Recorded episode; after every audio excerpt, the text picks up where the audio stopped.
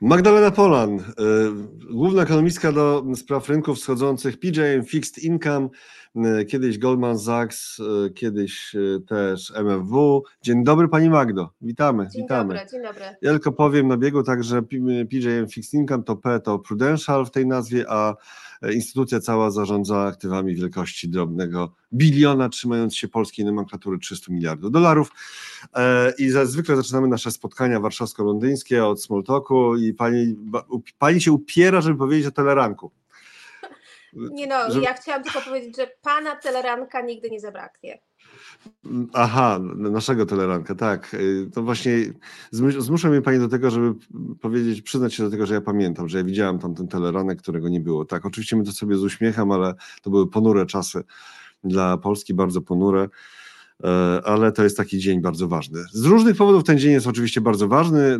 E, te powody też mają jakiś tam wpływ na rynek, bo oczywiście po wyborach 15 e, widzieliśmy, października widzieliśmy bardzo silną reakcję na warszawskiej giełdzie chociażby. E, no i pytanie, czy te nadzieje zostaną dowiezione, czy coś się innego stanie. Wczoraj miałem rozmowę z szefem jednego z polskich TFI, który mówi, że mamy założenie, żeby nie ufać politykom. Po prostu, tak? Robimy swoje, szukamy dobrych spółek i mamy tak. założenie, żeby nie ufać politykom i kropka ale tam rynki zaufały temu wyborczemu, powyborczemu scenariuszowi. Zobaczymy, e, co będzie dalej. Są takie, słyszałem też takie opinie, że dopiero jak się ten nowy rząd ukonstytuuje, to już od nowego roku e, rzeczywiście wtedy będą napływy. Czas pokaże, tak, jedno jest pewne, jak to słynny, słynna maksyma z wielu materiałów telewizyjnych, e, niegdysiejszych, Proszę Państwa, jedno jest pewne, czas pokaże, tak? E, a Pani Magdo, Pani sądzi, że to rzeczywiście będzie tak, że e, rynki, że inwestorzy globalni jeszcze bardziej nas tutaj docenią, jak się rząd, jak się już to wszystko ugniecie. Nie chodzi czy ten czy inny, tylko że będzie rząd i już nowy rok i wtedy większe napływy, czy już to, co się wydarzyło, to trochę i tak przesada, bo złoty jest bardzo silną walutą w tym momencie. Myślę, że Polska w oczach inwestorów globalnych Szczególnie nasz rynek e, akcyjny jest jednym z wielu rynków i e, napływami nie będą tylko kierowały poglądy na kraj jako taki, ale na rynki globalne i tak zwane rynki wschodzące ogólnie. E, widzimy, że napływy na te rynki wschodzące w tym roku były takie dość mieszane, dlatego że inwestorzy aktywni zdecydowanie są bardziej zainteresowani rynkami wschodzącymi ale inwestorzy pasywni jednak mniej. Więc e, tutaj, tutaj widzimy duże różnice, ale być może przy nowym roku, nowym rozliczeniu, w grudniu pamiętajmy też, że ci, którzy zarobili e, powiedzmy na rynkach, zamykają książki wcześniej i nie eksperymentują, jeżeli szczególnie jeśli już zarobili. Więc grudzień jest dość cichy, jest dość niska płynność i właśnie nie ma za dużo napływów. Za to ze styczniem E, bardzo tak no, nieco sztucznie, ale dlatego, że tak się liczy e, roczne zwroty, pojawiają się nowe napływy. I jeżeli to doprowadzi do e, zwiększenia przepływów na rynki wschodzące, to część tych funduszy też wpłynie na rynek akcyjny i obligacyjny. Warszawska giełda będzie miała ze sobą jakiś niesamowity zupełnie rok. E, ciekawe, czy rzeczywiście będzie kontynuacja w nowym roku. Ale o Polsce porozmawiamy za chwilę, bo generalnie dzisiaj nasz temat to czym zaskoczą nowi gracze i nie chodzi akurat tutaj o Polskę, e, tylko nowi gracze, którzy chcą być tymi nowymi graczami w sensie globalnym, e, czyli Arabia Saudyjska, czyli Katar, czyli Chiny, i czyli ich coraz silniejszy sojusz i ich coraz bardziej ambitne i dalekosiężne plany. Niektóre z tych planów stały się nagle bardziej dalekosiężne, dlatego że trzeba przesunąć moment realizacji tych planów, o tym też powiemy, ale e, te związki, napisałem w opisie, niebezpieczne związki, ze znakiem zapytania, bo dla części świata to potencjalnie mogą być jednak niebezpieczne e, związki, jeżeli chodzi o taką dominację gospodarczą czy finansową, ale teraz jeszcze, proszę Państwa, króciutki start i zabieramy się już za te tematy zgodnie z naszym, z naszym rozkładem miasta.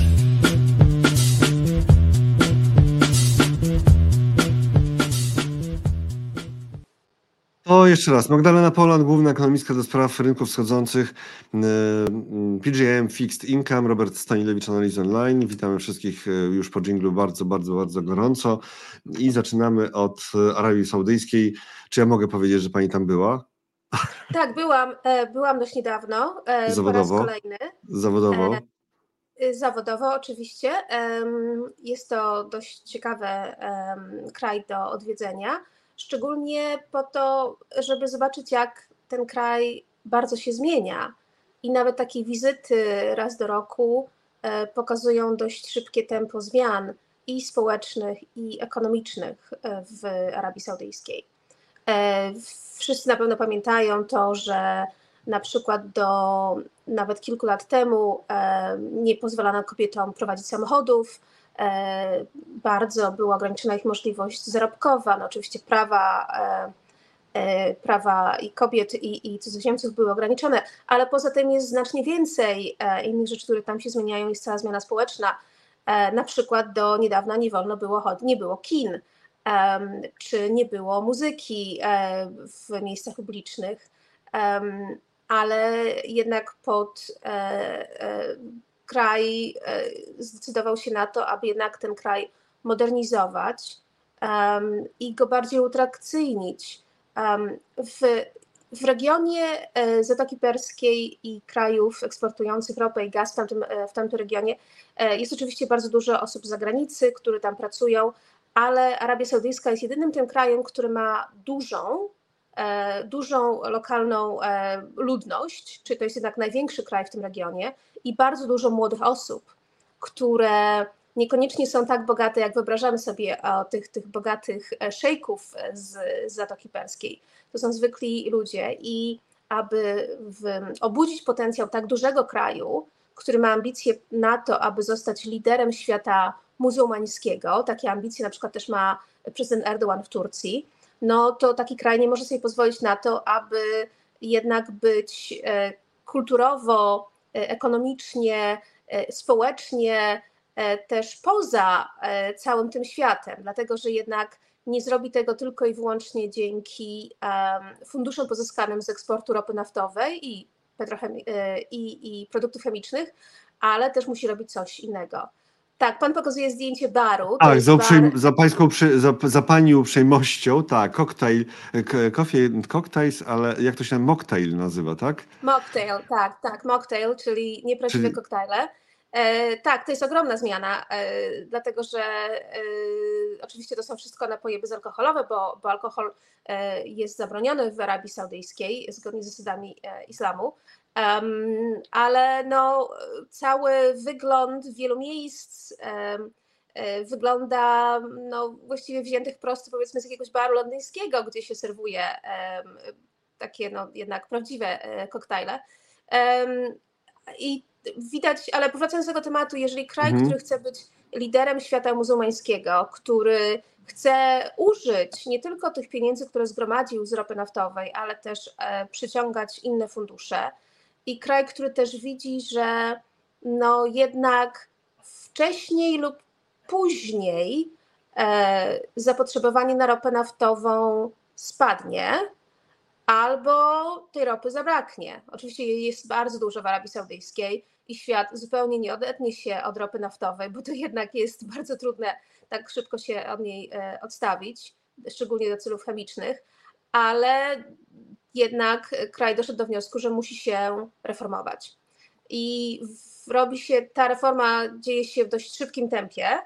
Em, I oczywiście jest to reforma z no, struktury społecznej, struktury ekonomicznej, która nam się wydaje dość egzotyczna, ale y, no, postępuje dość, dość szybko i widać, że ten szybkie tempo zmian też nie, nie prowadzi do większych konfliktów społecznych czy niezgody, może też dlatego, że tam nie ma w ogóle tak za bardzo e, społeczeństwa obywatelskiego oczywiście, ale też chyba jest tak duży apetyt e, kraju na zmiany.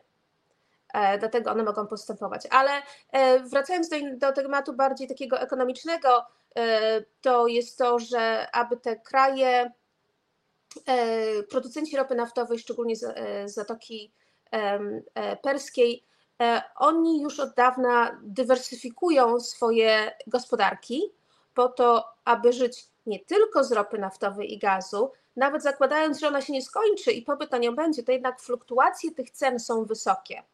I parę razy te kraje boleśnie odczuły i dla swoich gospodarek, i dla przychodów rządowych, przychodów fiskalnych, bardzo boleśnie odczuły spadki tych cen. Jeżeli Państwo pamiętają taki epizod głębokiej deflacji w, w Europie, spowodowany nie tylko tym, że spadły ceny żywności z powodu embarga na import z e, Rosji, ale też dlatego, że bardzo spadły ceny ropy naftowej.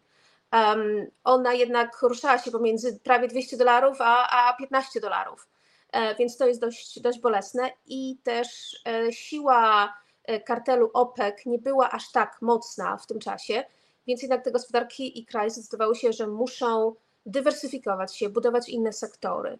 E, e, gospodarki. Na pewno niektórzy z Państwa byli na wakacjach e, w Dubaju, Abu Dhabi, czy niektórzy nawet odwiedzili Katar na Mistrzostwa Świata w piłce nożnej mężczyzn, um, więc na pewno to widzieli. Na to, za to jednak Arabia Saudyjska była jednak trochę do tyłu w porównaniu z tymi, z tymi krajami i uznała, że jednak musi się modernizować, bo w tej sytuacji po prostu czeka na ten kraj stagnacja, a ich ambicje globalne e, będą ograniczone tylko i wyłącznie do rozmiaru, rozmiaru swoich e, oszczędności, które i tak nie są największe wśród tych krajów.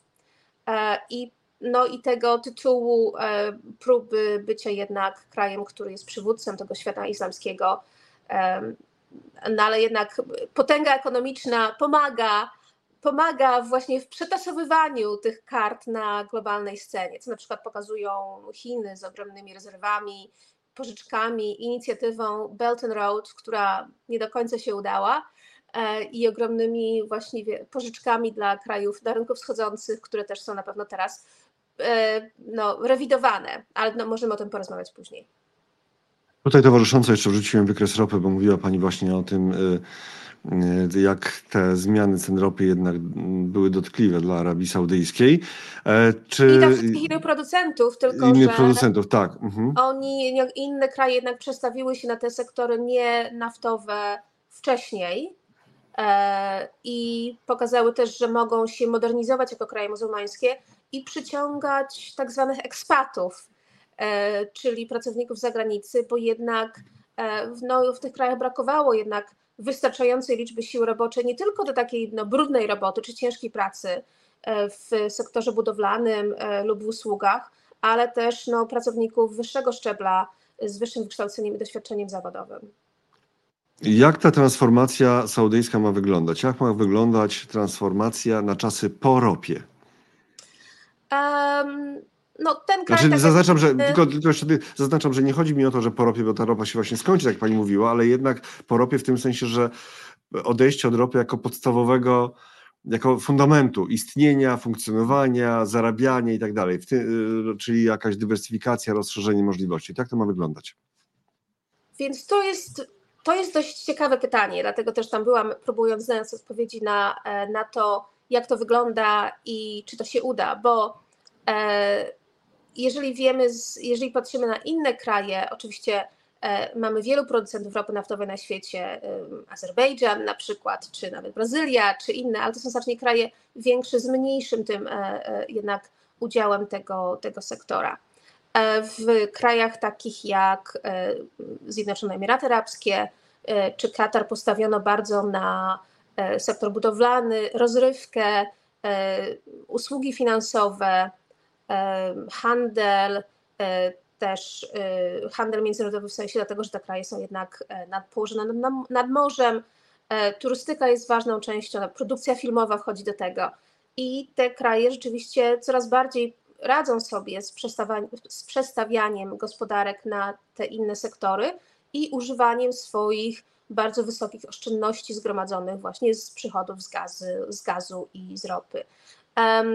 Arabia Saudyjska próbuje pójść w podobnym kierunku, próbuje się otworzyć na turystykę e, i też do, na sektor właśnie budowlany e, i też jako miejsce, w którym można lokować biznes, czy w którym mogą się odbywać różne wydarzenia międzynarodowe.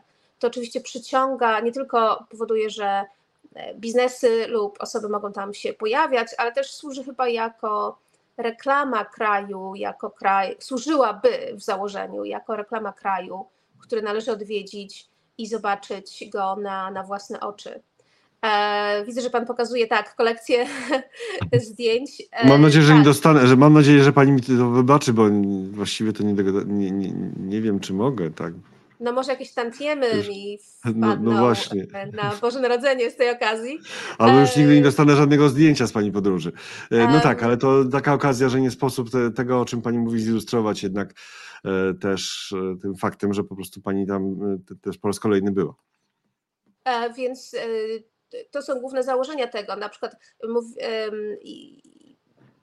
jest te kraje wszystkie tam w, tej, w tym regionie mają też takie wizje zmiany swoich krajów, czyli nie tylko zmian odchodzenia od ropy naftowej, e, zmiany źródeł energii, e, ale właśnie też e, transformacji tych gospodarek, więc to są w Arabii Saudyjskiej to jest wizja 2030, już niedługo 2040 i wszystkie te inne kraje mają też takie, takie wizje. Do tego do, oczywiście dochodzi e, ich taki image, czyli PR, jak one wyglądają w oczach inwestorów i w oczach świata, e, w sensie mm, dyskusji e, i wysiłków na redukcję e, użycia spalin, ale też produkcji spalin jako takich, dlatego że te kraje są no jednak bardzo, bardzo dużo produkują dwutlenku węgla. Pomyślmy tylko o tym, że potrzebują klimatyzacji właściwie prawie na zewnątrz już w tym momencie, ale też. e, Co to znaczy prawie, prawie na zewnątrz? jak- Co to znaczy prawie na zewnątrz?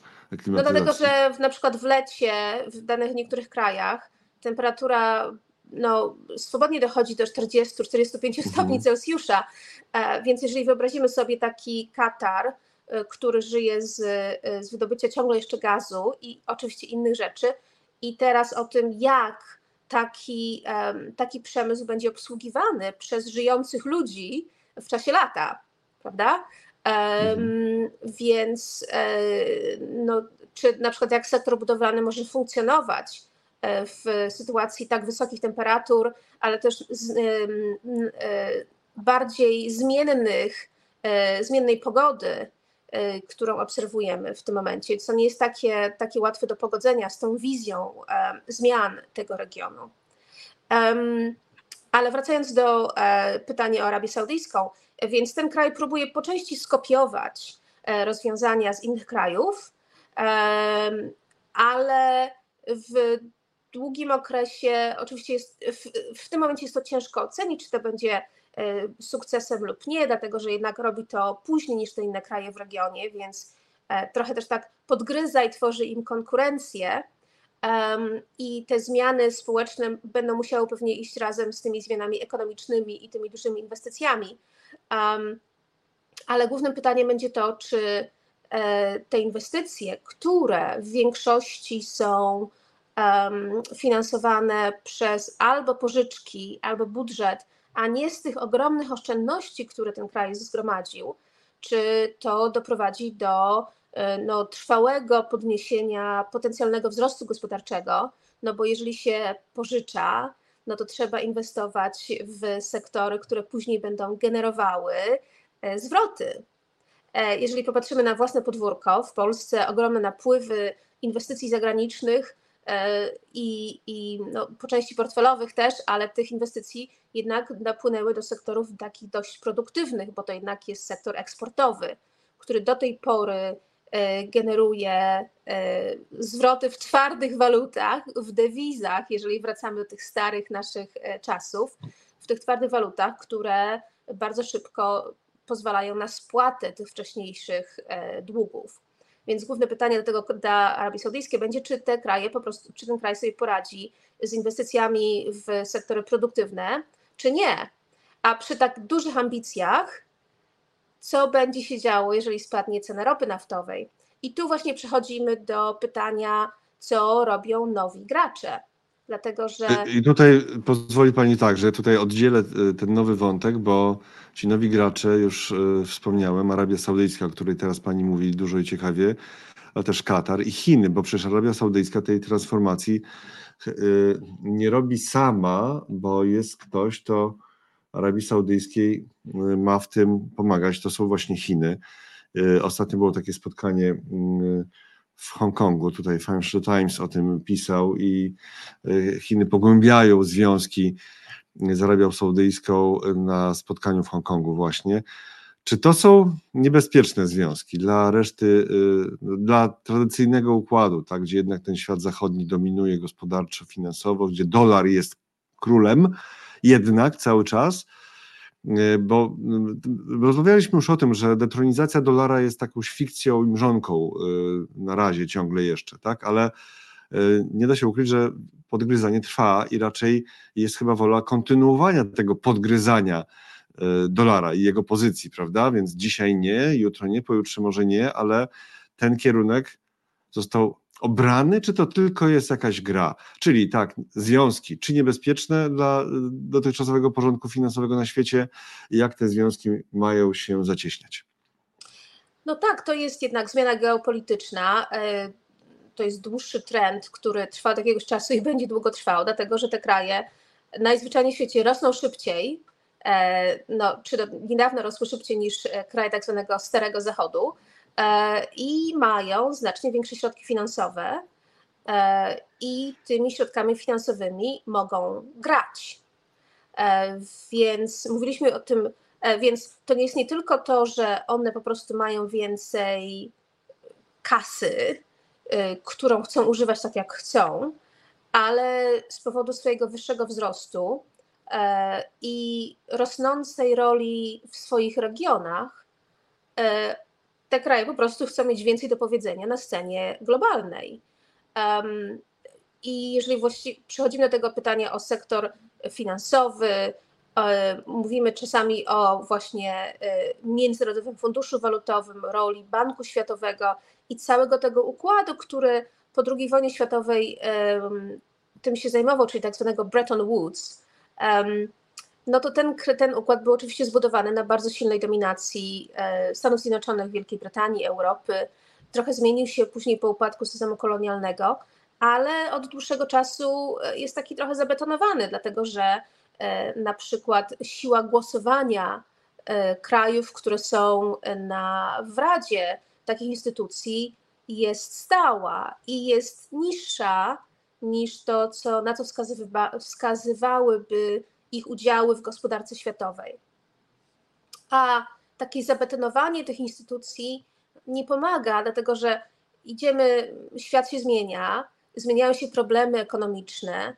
Kiedyś mówiliśmy tutaj o tym, że niektóre kraje borykają się z wysokim długiem zagranicznym i część tego długu, lub dla niektórych krajów dość sporo tego długu, pochodzi właśnie z takich e, pożyczkodawców jak Chiny, które są wciąż jednak nowym jednak graczem na tym międzynarodowym rynku finansowym i po raz pierwszy się bardzo sparzyły na tych e, pożyczkach, dlatego że te kraje po prostu nie mogą ich spłacić. Te kraje zachodnie bardziej są do tego przyzwyczajone, dlatego że jednak tych restrukturyzacji długów rynków wschodzących było sporo w historii. One zawsze się dzieją i, i takie już e, ustalone mechanizmy jak klub paryski, klub londyński, e, zgody na, czy inicjatywy do redukcji długów. Była taka inicjatywa milenijna na przykład redukcji długów, czy inicjatywa dla wysoko zadłużonych krajów e, o niskich dochodach. Te kraje się przyzwyczaiły do tego, że jednak niektóre z tych pożyczek, które też były udzielane po części politycznie, po prostu nie są spłacane. Jednak to jest rzecz nowa dla Chin e, i Chiny muszą się też no, przyznać do tego, że ktoś tam musi się przyznać do tego, że popełnił błąd, nawet jeżeli to było robione w celach geopolitycznych, a nie czysto ekonomicznych. Ale żeby uzyskać postęp w takich negocjacjach, z drugiej strony takie kraje jak Chiny chcą tego, aby mieć więcej do powiedzenia e, w instytucjach, instytucjach takich jak Bank Światowy czy Międzynarodowy Fundusz Walutowy. Więc tu mamy taki trochę clinch jednak i jedna strona musi się na to zgodzić i druga.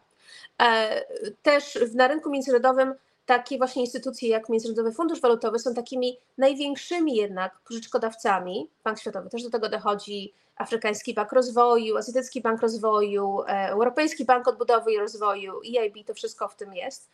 I w sytuacji problemów ekonomicznych e, tak zwany IMF przychodził, dawał pożyczkę, ale e, pod, to są zawsze pożyczki warunkowe, pod warunkiem wprowadzania pewnego typu polityki gospodarczej, która doprowadzi do tego, że kraj będzie w stanie później te pożyczki spłacać.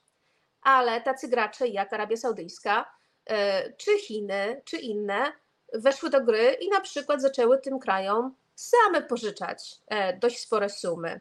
Kilka miliardów, mówiąc po e, amerykańsku, kilka miliardów tutaj, kilka miliardów dla Pakistanu, dla Sri Lanki, pięć na przykład dla Turcji przed wyborami. Te pożyczki były udzielane też Egiptowi, więc to są pieniądze, które wspierają dane rządy i które są robione no, na innych warunkach, na innych warunkach geopolitycznych, nie do końca transparentnych. No i to na pewno ten system właśnie tego, tego IMF-u, który jest tym ostatecznym pożyczkodawcą, podburza, nie tylko z punktu widzenia siły takich instytucji, ale też na przykład takich bardzo technicznych rzeczy. Na przykład w wielu kontraktach obligacyjnych dostęp do, do źródeł z MFW jest warunkiem w ogóle obsługiwania danych obligacji czy kupowania. I na przykład utrata dostępu do IMF-u może być powodem tak zwanego technicznego upadku czy technicznego bankructwa. A tutaj wchodzą nam właśnie takie instytucje jak Arabia Saudyjska czy inne. Na przykład w, przed wyborami w Argentynie Chiny pożyczały Argentynie pieniądze na spłatę no, czy obsługę niektórych transz pożyczek z MFW. Więc z jednej strony to dobrze, bo jednak Argentyna przetrwała do wyborów, ale z drugiej nie do końca wiadomo, jak te, ta gospodarka będzie zarządzana, jeżeli mówi, jej, mówią jej to Chiny, a nie mówią, no powiedzmy, zimni, skalkulowani ekonomiści z, z Waszyngtonu. I więc na pewno podburza ten system, dlatego że te zasady są inne, nie do końca wiadomo kto, komu, y, na jakich warunkach, y, jak to będzie spłacane i czy ci inni uczestnicy rynku będą też traktowani no tak w miarę podobnie, bo jedną z tych zasad jednak działania sektora międzynarodowego jest to, że najgorsze, jeśli przyjdzie do najgorszego, na przykład do upadku, bankructwa kraju, to mniej więcej wszyscy są, tracą podobnie. No nie wszyscy mogą to identycznie, ale wszyscy ponoszą podobne straty. A przy, w sytuacji takiej, gdzie właśnie wchodzą Chiny, Arabia Saudyjska, one mogą być wymagać to, by być traktowane znacznie lepiej niż, e, niż inni, i to zupełnie może zmienić kalkulacje inwestorów, którzy chcieliby inwestować szczególnie w tych rynkach takich mniej rozwiniętych. Bardzo długo mówiłam, ale temat jest skomplikowany. Tak, tak, a ja mm, zasłuchałem się i nie chciałem przerywać, ale czy, y, co to oznacza, czy to coś, czy może mieć jakieś konsekwencje dla globalnych rynków finansowych, tak? Y, długofalowo tak, jest- oczywiście, tak, bo, bo to jest pytanie o dolarze, podgryzaniu dolara sobie za chwilę powiemy, bo jeszcze chcę wrócić do samego planu inwestycyjnego Arabii Saudyjskiej, ale teraz, skoro jesteśmy przy tym wątku i aspiracjach nowych graczy, mówiła Pani o tym, że Chiny, y, tym, którzy nie mogą spłacić transz z MFW, tak, to przychodzą po cichu Chiny i tam dobrze, tak, dajemy Wam tutaj kasę, tylko nikt nie wie na jakich zasadach, co za to chcą, tak, ja- co chcą osiągnąć w ten sposób i jak długofalowo to może wpłynąć na rynki finansowe. Więc to wpływa na pewno na te kraje, które, e, które tak jak Argentyna, e, są w potrzebie. E, To na pewno wpłynęło na Turcję już e, przed wyborami, dlatego że Turcja dostała dość sporo wsparcia e, z krajów takich jak Arabia Saudyjska, ale też Azerbejdżan, Chiny, więc te kraje wspierały rezerwy Banku Centralnego lub pożyczały pożyczek lub inwestowały w danych krajach. Oczywiście te rzeczy się działy wcześniej, ale dzieją się na znacznie większą skalę. Więc być może niektóre gospodarki, które powinny poczuć trochę tak zwany ten, em, e, ta dyscyplina, dyscyplina, która jest wymuszana na, na gospodarkach przez e, rynki, na pewno w tej sytuacji jest słabsza. Na takie codzienne życie na, e, dla inwestora, który bardziej się zajmuje rynkiem lokalnym, to chyba nie ma aż tak dużego wpływu na razie. To jest po prostu takie powolne przesuwanie się siły takiego centrum grawitacyjnego globalnego systemu finansowego powoli w tym, w tym innym kierunku. Co oznacza dla nas to jest to, że ponieważ to jest próba zmiany dominującej siły, to pojawiają się naciski, aby się opowiedzieć po której stronie. Na razie widzimy to bardziej pomiędzy um, Stanami Zjednoczonymi i Chinami. E, I na przykład mamy, mamy historię z Huawei, używaniem sprzętu chińskiego, czy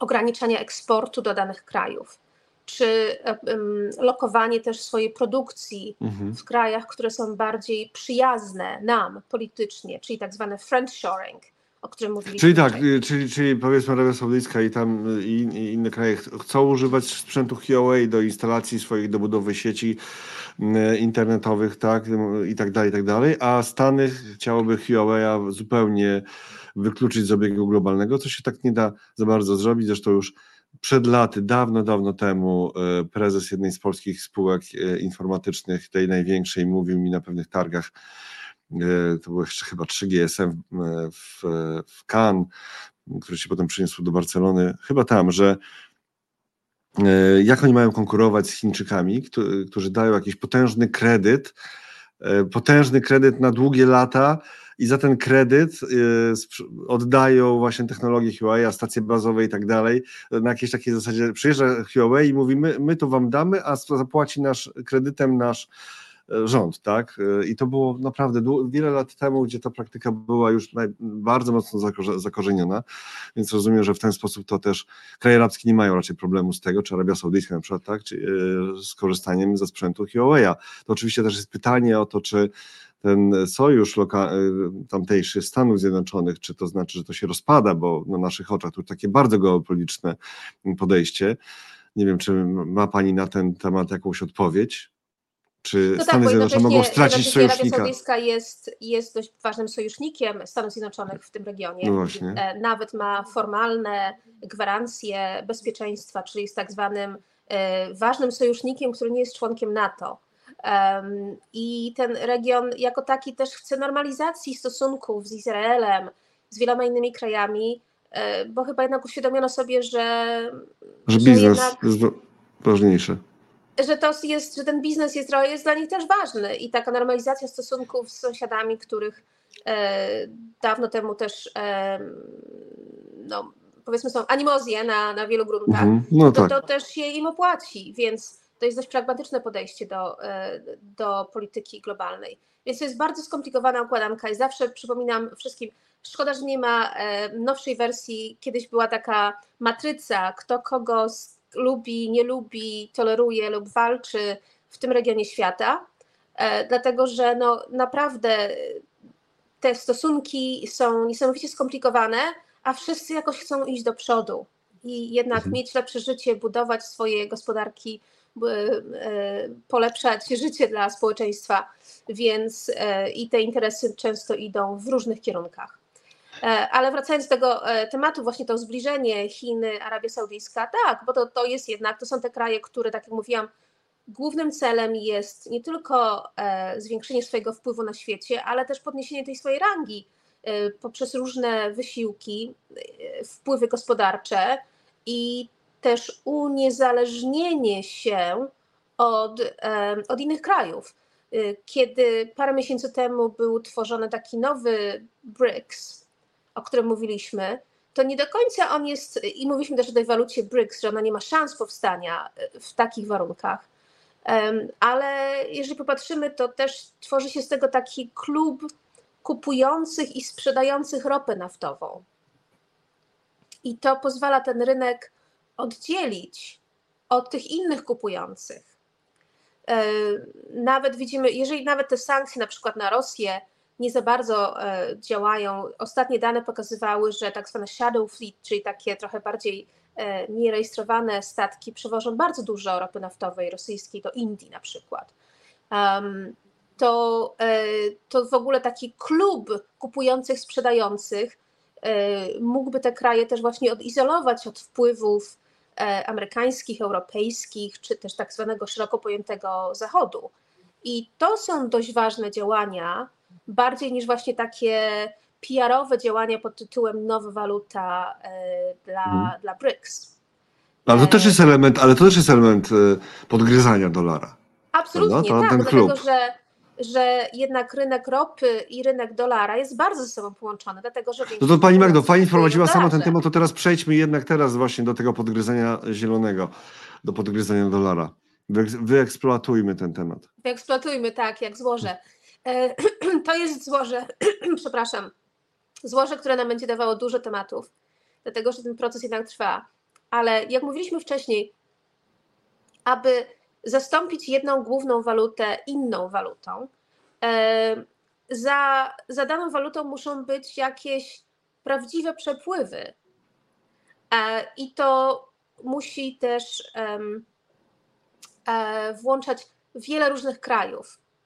Dlatego, że e, kiedyś mówiliśmy o tak zwanych złotych muszelkach jako żart, ale gdyby pan i ja zdecydowaliśmy się handlować pomiędzy sobą bombkami z choinki, to moglibyśmy robić to używając wszystkiego, co możliwe, jeżeli to jest transakcja tylko między nami, dlatego że na, na, na nią się godzimy. Natomiast jeżeli mamy wielu graczy, no to jednak często to trzeba jakiegoś środka wymiany, który jest akceptowalny przez wszystkich. E, więc aby tego dolara podgryźć i zastąpić go czymś innym, to jednak musi, musi to podążać za wielo multilateralną wymianą handlową, po pierwsze. I właśnie budowanie takiego klubu kupujących, sprzedającą ropę naftową, klubu, który sobie nawzajem pożycza, nawzajem sobie inwestuje, na przykład Chiny e, z, zadeklarowały się, że zbudują pierwszą elektrownię jądrową w Arabii Saudyjskiej. Um, więc takie właśnie transakcje doprowadzają do tego powolnego przestawiania się na inne waluty niż dolar lub euro. Ale ciągle y, musimy mieć też waluty, które są łatwo wymienialne. A w tej sytuacji ani yuan czy renminbi e, takimi walutami nie są. Na, też nie jest nim rial Arabii Saudyjskiej, bo jak większość krajów w tym regionie, on jest tak zwany zapegowany do dolara, więc ma usztywniony kurs względem dolara. Dlatego nie Więc pokazuje kursu. Dlatego nie nie pokazuje będzie, kursu, bo to jest płaska linia. płaska poszarpana taka, tak, tak. No. E, więc czy jakaś waluta, która jest zapegowana na stałe do dolara, ma szansę na wymianę dolara, na, na zastąpienie dolara, jeżeli możemy tego dolara mieć? E, więc to są dość, e, dość e, duże przeszkody e, w zastępowaniu takich walut jak dolar lub euro. Ale im więcej takich prawdziwych połączeń ekonomicznych, handlowych pomiędzy więcej niż dwoma krajami, tym większe są szanse na właśnie używanie innych walut niż dolar. Ale dominacja dolara jest tak olbrzymia, że y, no, trudno będzie to zrobić. Pamiętajmy też o tym, że to są nie tylko rynki finansowe, ale też korporacje, które nawzajem, y, które się finansują, finansowanie handlu międzynarodowego. To wszystko jest ma jednak jest tak olbrzymie w porównaniu do tych y, wysiłków, aby tego dolara zastąpić, że ten proces no, na pewno jeszcze jest w wczesnym etapie, ale będzie postępował. Na chwilę jeszcze wrócę do samej Arabii Saudyjskiej, e, do tego programu inwestycyjnego, który też ma być wspierany przez Chiny i przejdziemy do Chin, bo to jest e, też ciekawy związek. E, Wielkie plany, ale trochę przesunięte. Miało być 30 rok i, i jakieś takie gigantyczne w ogóle pieniądze do wydania w tym czasie. Teraz to się przesuwa jednak mimo wszystko, więc te ambicje zostały przytemperowane. Tak? Jakie to kwoty wchodzą w grę? No to są olbrzymie kwoty, dlatego że taka, to właśnie ta Vision 2030, czyli wizja 2030 zakładała inwestowanie, e, no, e, po angielsku mówiąc tryliona dolarów, czyli e, jeden z dwunastoma zerami do 2030 roku. Jeżeli oczywiście mówimy tutaj o kraju, który jest ciągle jednak monarchią absolutną, więc takie rzeczy jak planowanie przestrzenne, pozwolenie na budowę, ochrona środowiska mają pewnie trochę inne, inny wpływ na proces inwestycyjny, e, ale mimo wszystko no, tempo i ambicje były ogromne. E, I stąd też właśnie niedowierzanie inwestorów e, w sukces tak olbrzymiego i ambitnego planu, wpompowanie tak olbrzymiej ilości pieniędzy w gospodarkę w tak krótkim czasie. I myślę, że właśnie kraj się trochę zreflektował, że jednak nie da rady wprowadzić tak ambitnego planu, szczególnie jeżeli chce, aby inwestorzy zagraniczni w tym uczestniczyli, bo jednak e, my jako, nie my w sensie ja, ale inwestorzy zagraniczni jednak chcą, jak mówiłam wcześniej, myśląc, myśleć o tym, czy te pożyczki zostaną spłacone, czy inwestycje się zwrócą, więc to jest jednak znacznie bardziej zimna kalkulacja. Więc te plany zostały trochę skorygowane. Ale w sensie też znowu my jako inwestorzy patrzymy na ten region, dlatego że to jest tak właściwie jedyny region, e, w którym może nastąpić tak duża zmiana jakości, dlatego że wiele gospodarek rynków wschodzących reformuje się już od lat 90., 80.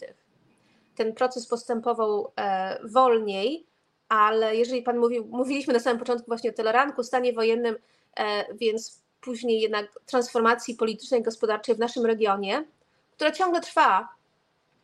I jednak ten przeskok cywilizacyjny, ekonomiczny był ogromny.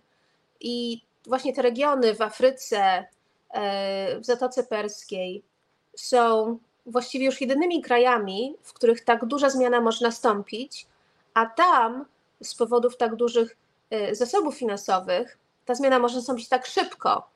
I do tego jest połączona z tymi globalnymi ambicjami przedefiniowania rozkładu sił geopolitycznych i ekonomicznych. E, kraje afrykańskie oczywiście mają ogromny potencjał na to, żeby zreformować swoje gospodarki, ale nie mają ambicji bycia graczami geopolitycznymi. A kraje właśnie takie jak Chiny, Arabia Saudyjska, Katar, no po części Iran, ale w zupełnie innej sytuacji, mają właśnie te ambicje, żeby ten świat jednak przerabiać bardziej e, w kierunku własnych preferencji. No akurat y, ambicje Iranu kojarzą się bardzo niedobrze, prawda, dla świata zachodniego i dla, no, wiadomo co się dzieje, jeżeli chodzi o ich związki z Rosją, z Putinem.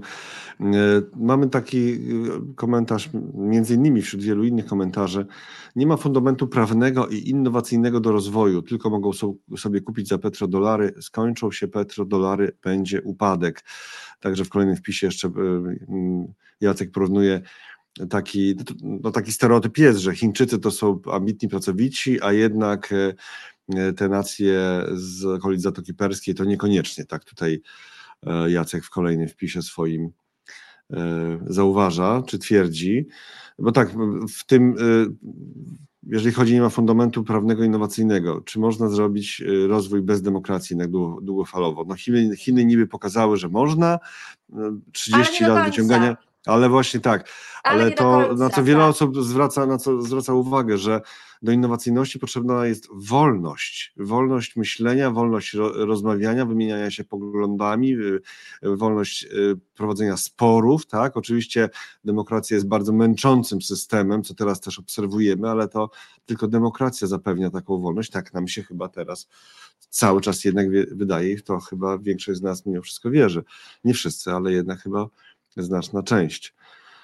Tak, i to właśnie y, widzimy teraz w sytuacji Chin. Mówiliśmy o nich wcześniej e, przy otwarciu pokowidowym, ale też e, szczególnie patrząc w tym okresie e, przed Nowym Rokiem, wszyscy patrzymy, jakie są perspektywy dla przyszłego roku.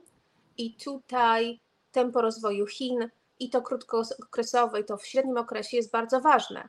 I jesteśmy chyba w sytuacji, w której widzimy, że ten konflikt pomiędzy próbą utrzymania systemu no, w jakimś sensie komunistycznego i bardzo scentralizowanego, i jednocześnie utrzymania wysokiego tempa wzrostu gospodarczego i radzenia sobie z kryzysem, nie są kompatybilne.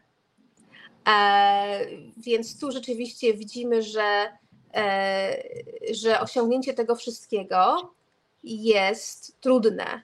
I ten, ten brak e, i wolności gospodarczej, i wolności politycznej e, doprowadza do tego, że takie przekierowywanie gospodarki na inny kierunek w Chinach jednak powoduje dość spore i spowolnienie, i spadek nastroju wśród konsumentów, firm, brak przepływów finansowych, na przykład do tej pory, nawet pomimo wszystkich restrykcji, inwestycje bezpośrednie wciąż napływały do Chin. Teraz widzimy, że one odpływają już. No, sytuacja nie jest w stanie e, mhm. podtrzymywać tego samego tempa rozwoju. Troszkę było tak chyba, że, że świat zachodni żył w takim, i jeżeli chodzi o Chiny, ale też jeżeli chodzi o Rosję, prawda, o Putina, w takim trochę e, w takiej bańce, iluzji. bajce, iluzji. Tak. iluzji.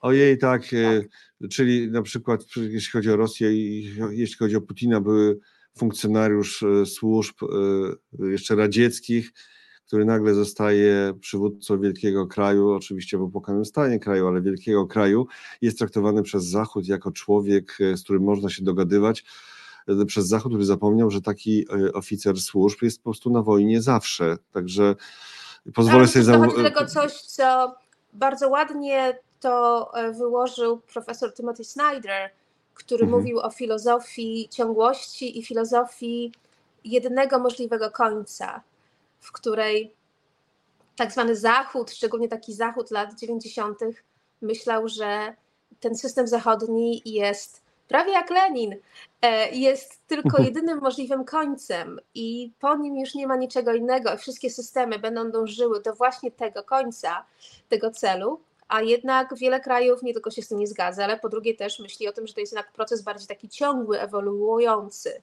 Um, i, e, I to była jednak iluzja, w którą uwierzyło sporo polityków. Jeszcze zostając na chwilę przy Chinach, to co się sądzi w tym momencie o Chinach i ich e, taki, no, takim dołku, zapaści, bo indeksy chińskie, Hongkong to w ogóle czwarty rok chyba może mieć spadkowy. W tym momencie nie patrzyłem, ale jest e, z tym słabo. No więc jak Chiny mają mieć siły, żeby pomagać tym swoim nowym sojusznikom i budować te nowe struktury, które mają zająć ważniejsze, należne ich, należne im ich zdaniem miejsce w tym globalnym układzie finansowo-gospodarczym? No pamiętajmy, że Chiny są bardzo duże jednak i e, to, co może wydawać nam się dużą sumą, dla e, chińskich firm lub rządu jest powiedzmy e, mniejszą znacznie sumą. Oczywiście sektor budowlany w Chinach jest w tym momencie no, w stanie kryzysu. Aktywność jest dość niska, więc Chiny mają sporo wolnych zasobów produkcyjnych na to, aby być aktywnym gdzieś indziej. Ale tu już właśnie mamy, wracamy do tematu bardziej takiego bieżącego, bo to będzie miało bardzo duży wpływ na nastroje na rynkach e, waluty i wzrost e, globalny. Więc powoli e, władze chińskie uświadamiają sobie, że będą musiały wspierać gospodarkę. Próbują to ciągle robić w miarę powoli. Na razie nie chcą się posuwać do tak drastycznych środków jak użycie, aktywne użycie środków banku centralnego, czyli poluzowania ilościowego lub podobnego, czy tak zwanego helicopter money, czyli na razie robią to środkami tradycyjnymi poprzez politykę fiskalną. E, I powoli będą chciały jednocześnie i, i radzić sobie z sektorem budowlanym, i dorzucać pieniędzy publicznych e, po to, żeby podtrzymywać i wzrost, i podtrzymywać na duchu konsumentów chińskich. E, przemysł nie radzi sobie tak źle. Problemem jest na pewno deflacja, dlatego że w sytuacji, w której kraj też próbuje delewarować się, czyli spłacać długi, deflacja bardzo nie pomaga, dlatego że zmniejsza przychody, a długi są takie same.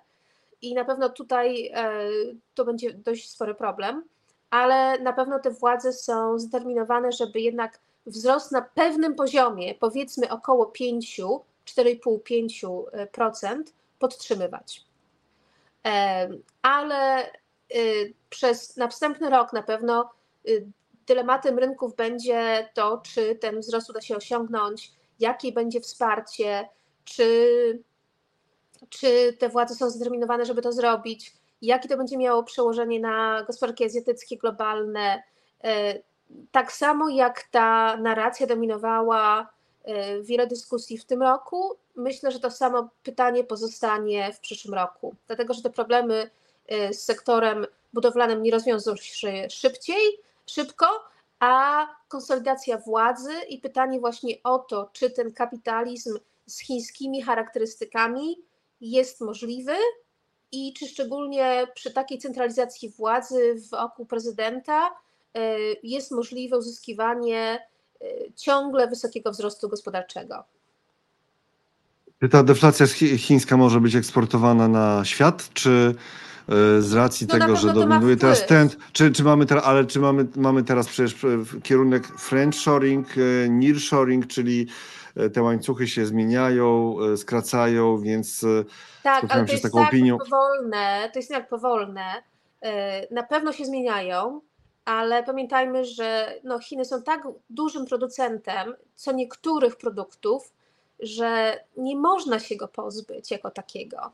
Ale na pewno to e, ten spadek cen ma wpływ na inflację globalną, ale to nie jest ten czynnik, który tą inflację globalną zupełnie wyeliminuje, ale pomaga przy obniżaniu inflacji. Mm-hmm. Ale pamiętajmy, że w zeszłym latach główne czynniki inflacyjne to było właśnie przerwanie tych łańcuchów produkcji, czy ich skracanie, i to na pewno będzie miało wpływ podwyższający inflację. Później mieliśmy szok y, gazowy i ropy, a tutaj Chiny nie mają za dużo do powiedzenia. Tutaj akurat może mieć więcej do powiedzenia Arabia Saudyjska, która ciągle zmusza czy przekonuje inne kraje w kartelu OPEC, aby tę produkcję e, obcinać, po to, aby ceny były utrzymywane na pewnym poziomie. E, więc e, to ma większy wpływ na inflację niż tylko i wyłącznie ceny eksportu chińskiego. chińskiego. Pani Magdo, przejdźmy jeszcze na chwilę do Polski, bo przecież dzieją się bardzo ważne rzeczy. Jak świat teraz widzi polski rynek? Tak, mówi Pan właśnie o tym, o tym co będzie się działo po nowym roku. E, no, zmiana, zmiana rządu jest odbierana pozytywnie. E, jednym z głównych powodów jest e, polepszenie się stosunków z Unią Europejską i potencjalny napływ funduszy z, z tego RRF, czyli Krajowego Planu Odbudowy i innych źródeł i obniżenie ryzyka tego, że te fundusze strukturalne które napływają na Polskę od wielu lat, mogą być zawieszone w większym stopniu, tak jak to się stało w, na Węgrzech. E, więc na pewno jest odbierane pozytywnie i widać to w kursie złotego, który bardzo się umocnił po wyborach. E, to jest na pewno pierwsza rzecz. Z punktu widzenia fiskalnego, no to jednak ambicje e, nowego rządu nie są no to nie jest e, ambicja konsolidacji fiskalnej. I Czyli zaciskania się, pasa tak zwanego. Tu nie, tak zwanego, nie, nie, nie ale to możemy się spierać, czy to jest potrzebne, czy nie. E, ale chyba pytanie jest o to, jak takie pieniądze są wydawane. E, czy niektóre wydatki są inwestycją niż tylko wydatkiem. Więc na pewno tutaj będzie dużo pytań. Myślę, że też inwestorzy oczekują większej transparentności co do finansów publicznych. Przynajmniej ta transparentność była znacznie wyższa e, za poprzednich rządów Platformy Obywatelskiej i PSL-u, więc myślę, że na to. No ale nie było też COVID-u. Ktoś powie, z drugiej strony nie było COVID-u, nie trzeba było wspierać e, zamkniętej gospodarki, Y, tutaj jest taka dyskusja, a ktoś inny jeszcze powie, nie trzeba było zamykać tak gospodarki, Szwecja nie zamknęła, nie, nie trzeba było tam pieniędzy wysyłać przedsiębiorcom, którzy nic nie mieli do roboty, bo była gospodarka zamknięta i tak dalej, i tak dalej. To rzeczywiście był czas nadzwyczajny, to też trzeba wziąć pod uwagę. I tak no, ale tak też, też niektóre kraje poradziły sobie bez pewnych zmian, lub na przykład publikują dane o budżecie dość szybko po zakończeniu miesiąca. E, mhm. Tu na pewno chyba COVID nie miał na to większego wpływu. E, więc e, to na pewno są główne oczekiwania co do, co do nowego rządu, który pozytywnie wpływa i myślę też takie no, zmiany jednak polepszenie się nastroju e, postrzegania kraju może jako miejsce bardziej przyjazne dla e, gospodarki, dla inwestorów zagranicznych, może bardziej przewidywalne, jeśli chodzi o podatki, ustawodawstwo, to też na pewno pomaga. Mhm. Polska oczywiście nie cierpiała na brak napływów, bo jednak ten friendshoring i ta głęboka integracja z gospodarką europejską, globalną na pewno wspiera i duży rozmiar kraju wspiera napływy i ten rok poprzedni pod względem e, inwestycji bezpośrednich był rekordowy. Ale no to takie postrzeganie na pewno też jest, jest pozytywne. Koniec końców kalkulacje dla inwestorów finansowych są podobne. To jest zwrot z inwestycji, to jest krzywa rentowności, e, to jest średniookresowa polityka fiskalna, to jest premia za ryzyko. I no, tutaj widzimy, że jednak polityka fiskalna jako taka, w sensie deficytu, potrzeb pożyczkowych, ile będzie emitowanych długu w tym roku, w przyszłym roku w złotówkach, złotym, w dolarze, w euro, nie zmienia się. Te potrzeby są dość wysokie. E, I oczywiście to oznacza, że nawet przy najlepszych intencjach i najlepszej związka z Unią Europejską, jeżeli trzeba wyemitować 10 miliardów euro czy dolarów, no to jednak to uderzy w rynek i, i ten rynek będzie to musiał zaabsorbować, powiedzmy, przy no, niższych cenach czy wyższym zwrocie, dla, y, wyższych kosztach dla Polski. To najpierw wracam do waluty. Tutaj jest dolar złoty akurat. Było 5 zł w 2020 roku przez moment. Teraz 4 y, zł za dolara. Y, to jest jednak bardzo duża zmiana. Czy złoty ma. Tak, ale pamiętajmy, że to jest też to odzwierciedla to, co się dzieje na rynku dolarowym jako takim. Tak, tak. Mhm, no właśnie. Czyli to, co się dzieje między dolarem a euro przede wszystkim, tak?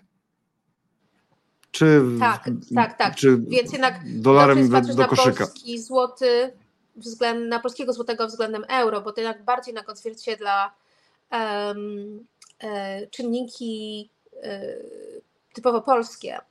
Mhm. E, ale no proszę bardzo, to jest to. To jest to, tak. To, to też mamy, e, nie, nie jest tak może spektakularne, jak było w przypadku dolara, dlatego też, no nie ukrywam, te, tego dolara pokazywałem, ale teraz euro 4,32 też e, no, było tam swego czasu 4,80, tak, w tych okolicach w tym roku, ale jak spojrzymy na dłuższy okres, to tam też do piątki skoczyło tak na moment do piątki.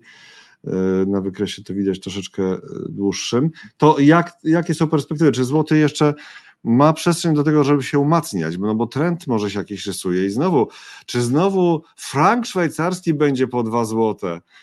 Oczywiście mówimy o euro, tego franka rzuciłem tak trochę prowokacyjnie. E, tak. Tu jest euro, złoty za dwa lata i tutaj widać też to, co się wydarzyło w 2022 roku. Um, i tu przechodzimy bardziej do, właśnie do dyskusji globalnej, co się dzieje z tymi walutami rynków wschodzących względem dolara, euro, względem dolara. Jednym z czynników, który napędzał rynek niedawno, było to oczekiwanie, że jednak e, no, Fed już nie będzie podnosił stóp procentowych, a rynek zaczął wyceniać e, obniżki Fedu, czyli e, Federal Reserve, Banku Centralnego Stanów Zjednoczonych, Um, I jakoś widać, że na razie te dobre nastroje się utrzymują. Um, I myślę, że właśnie dużo wró- powrócimy do znowu tej samej dyskusji. Co zrobi Fed? Jaka jest inflacja w Stanach Zjednoczonych? Co zrobi Europejski Bank Centralny? Um, jak rynek będzie wyceniał e, stopy procentowe w Stanach Zjednoczonych? To pewnie będzie tym głównym czynnikiem, który będzie napędzał siłę lub słabość dolara e, vis-a-vis walut innych, a do tego dojdą właśnie jakieś takie czynniki lokalne, czyli w Polsce e, e, powiedzmy wzrost, stopy procentowe NBP, jakieś zmiany fiskalne, szczególnie mówi właśnie tutaj o transparentności, ile należy, ile polski Ministerstwo Finansów będzie emitowało tego długu, więc takie czynniki techniczne chyba będą bardziej wpływały. Ale myślę, że złoty będzie pod wpływem tych czynników globalnych, e, tak samo jak inne waluty rynków wschodzących. I przypominam, że pod koniec roku będą wybory w Stanach Zjednoczonych i na razie ich wynik jest bardzo niepewny. E, tak, no ale to o tym nie będziemy szerzej rozmawiać akurat w tym wydaniu, bo zbliżamy się już do końca i to dość szybko. To jeszcze obligacje dziesięciolatki polskie za dwa lata rentowności. Widzimy, jak te rentowności się e, osuwają. E, mówiła Pani o tym, że jednak tego długu trzeba będzie wyemitować dużo. No, to nie jest tajemnica. Te 420 miliardów brutto, tak, potrzeb pożyczkowych. Czy wzrost rentowności, ku czemu jest więcej szans albo ryzyk? Znaczy, to przeważa. Wzrost rentowności jednak, czy nie? Czy spadek? Czy to jest trend? stabilni, stabilni być może w jakimś kierunku spadkowym, ale... Na rentownościach, spadkowym na rentownościach, tak? Czyli wzrostu ceny e, obligacji jednak, tak? Tak, tak ale nie jestem aż tak optymistyczna, jeśli chodzi o jakieś e, bardzo szybkie spadki. E, zobaczymy jeszcze, co będzie z inflacją. Bo na razie różne projekcje pokazują, że inflacja się gdzieś może ustawić nawet na poziomie 5%. I tutaj na pewno będą wchodziły zmiany podatkowe lub inne, o których tak naprawdę nie wiemy jeszcze, jak będą wyglądały. E, I będzie też właśnie wchodził cały ten nastrój i napływy, bo jeżeli e, rynki globalne zdecydują się na duże napływy na rynki lokalne polskie, no to jednak ta rentowność nam spadnie, ceny wzrosną. Jeżeli sentyment będzie taki sobie, no to powiedzmy te rentowności pozostaną na podobnych poziomach. Więc nie oczekiwałabym wystrzelenia w górę, po to musiałoby się coś zdarzyć negatywnego bardzo w Europie, w Stanach Zjednoczonych, globalnie, sytuacja jakiegoś ryzyka geopolitycznego, lub na przykład NBP stwierdza, że będzie teraz podnosił te stopy procentowe, e, więc to są takie mniej prawdopodobne scenariusze. Bardziej myślę właśnie podobne poziomy, nieco lepsze, ale no, fajerwerków chyba na razie nie będzie. E, pani Magdo, jeszcze dwa pytania od widzów, damy radę, tak na szybko, tak? No to szybko, szybko. Czy, szybko, szybko. Doktor Szum, jak Pani ocenia ostatnią zmianę polityczną w Polsce? Jak Pani ocenia? Czy, y, ja wypowiadam po... się jako ekonomista i inwestor. Okej, okay. czyli nie ocenia Pani, tak? Jako, a jako ekonomista i inwestor, to Pani już powiedziała, rozumiem, to to były te opinie, tak? Nie tak, mówimy tutaj właśnie o transparentności, o jakości zarządzania. Mhm przewidywalności. E, mhm. To wszystko się liczy. Jednak to jest ważne dla inwestorów, dla e, i tych finansowych, i tych długookresowych. To nagłe zwroty akcji, lepsze, lepsze związki z Unią Europejską, większa rola na scenie światowej to jest wszystko pozytywne dla inwestorów i ekonomistów. To ja teraz jeszcze na koniec zacytuję tylko kilka pytań, już bez Pani odpowiedzi, ale żeby te, tak uhonorować tych, którzy z nami są i pisali na żywo. E, Zachary Zorian pisał jeszcze przed startem, adwocem nowych graczy, tak jak wszystko ma swój początek, ma też swój koniec. Czy według Pani Magdaleny coś, coś zakończy definitywnie swoją egzystencję w świecie finansów? Bardzo tajemnicze pytanie, ale to już chyba na następny raz, bo trzeba by było coś, czyli jakiś deus ex machina, o którym Zachary pisze często. E, I jeszcze z tych e, rzeczy, które sobie tu zaznaczyłem, e, czyli na przykład. To może pan Zachary by trochę wyklaryfikował pytanie, tak, bo nie wiem, czy chodzi mhm. o poszczególne instrumenty, na przykład na rynku finansowym, czy to w ogóle jakąś ogromną klapę? Mhm, mhm. Tak. E, Arabia nie zarżnie się cięciami, udział w produkcji ropy spada, jeśli pójdzie za tym cena, będzie nieciekawie, USA pod obecną administracją płakać nie będzie. E, tu jeszcze latem bywa... W momencie, tak. E, latem tam bywa ponad 50, może napisze akurat, to by jak pani mówiła o tych warunkach klimatycznych. Timber najgoręcej to jest w Kuwejcie i Iranie. Yy, a tutaj jeszcze a propos waluty, też od Zacharego, no nie wiem, zastanawiam się nad funkcją pierwotną tego umocnienia złotego. Nie widzę źródła euro-dolar. E, taka, taki komentarz na przykład. Ale to już zostawiamy, bo e, pani Magda musi nas już opuścić i zająć się innymi bardzo ważnymi sprawami globalnych rynków finansowych i rynków wschodzących. Bardzo dziękujemy. Magdalena Polan, PJM Fixed Income, główna ekonomistka. Pani Magdo, bardzo dziękuję. A ja tylko przypominam, że jutro o godzinie 12 mamy też e, prosto fundusz i spotkanie z zarządzającym funduszem akcji. Macie w, w komentarzach link. Jeszcze za chwilę dwa słowa powiem. Pani Magdo, serdecznie dziękuję i do zobaczenia. Dziękuję, do widzenia.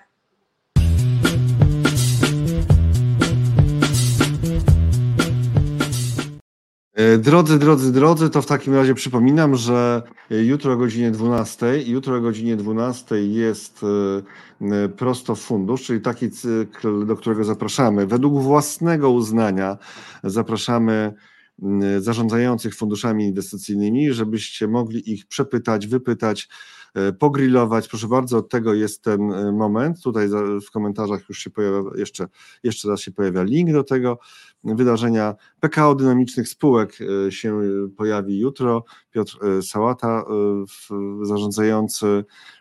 Link jest w komentarzu, proszę bardzo, tutaj. A jak to może wyglądać? Może jeszcze znajdę, tak, tutaj, o właśnie, proszę bardzo, mamy też zapowiedź graficzną, jutro godzina 12.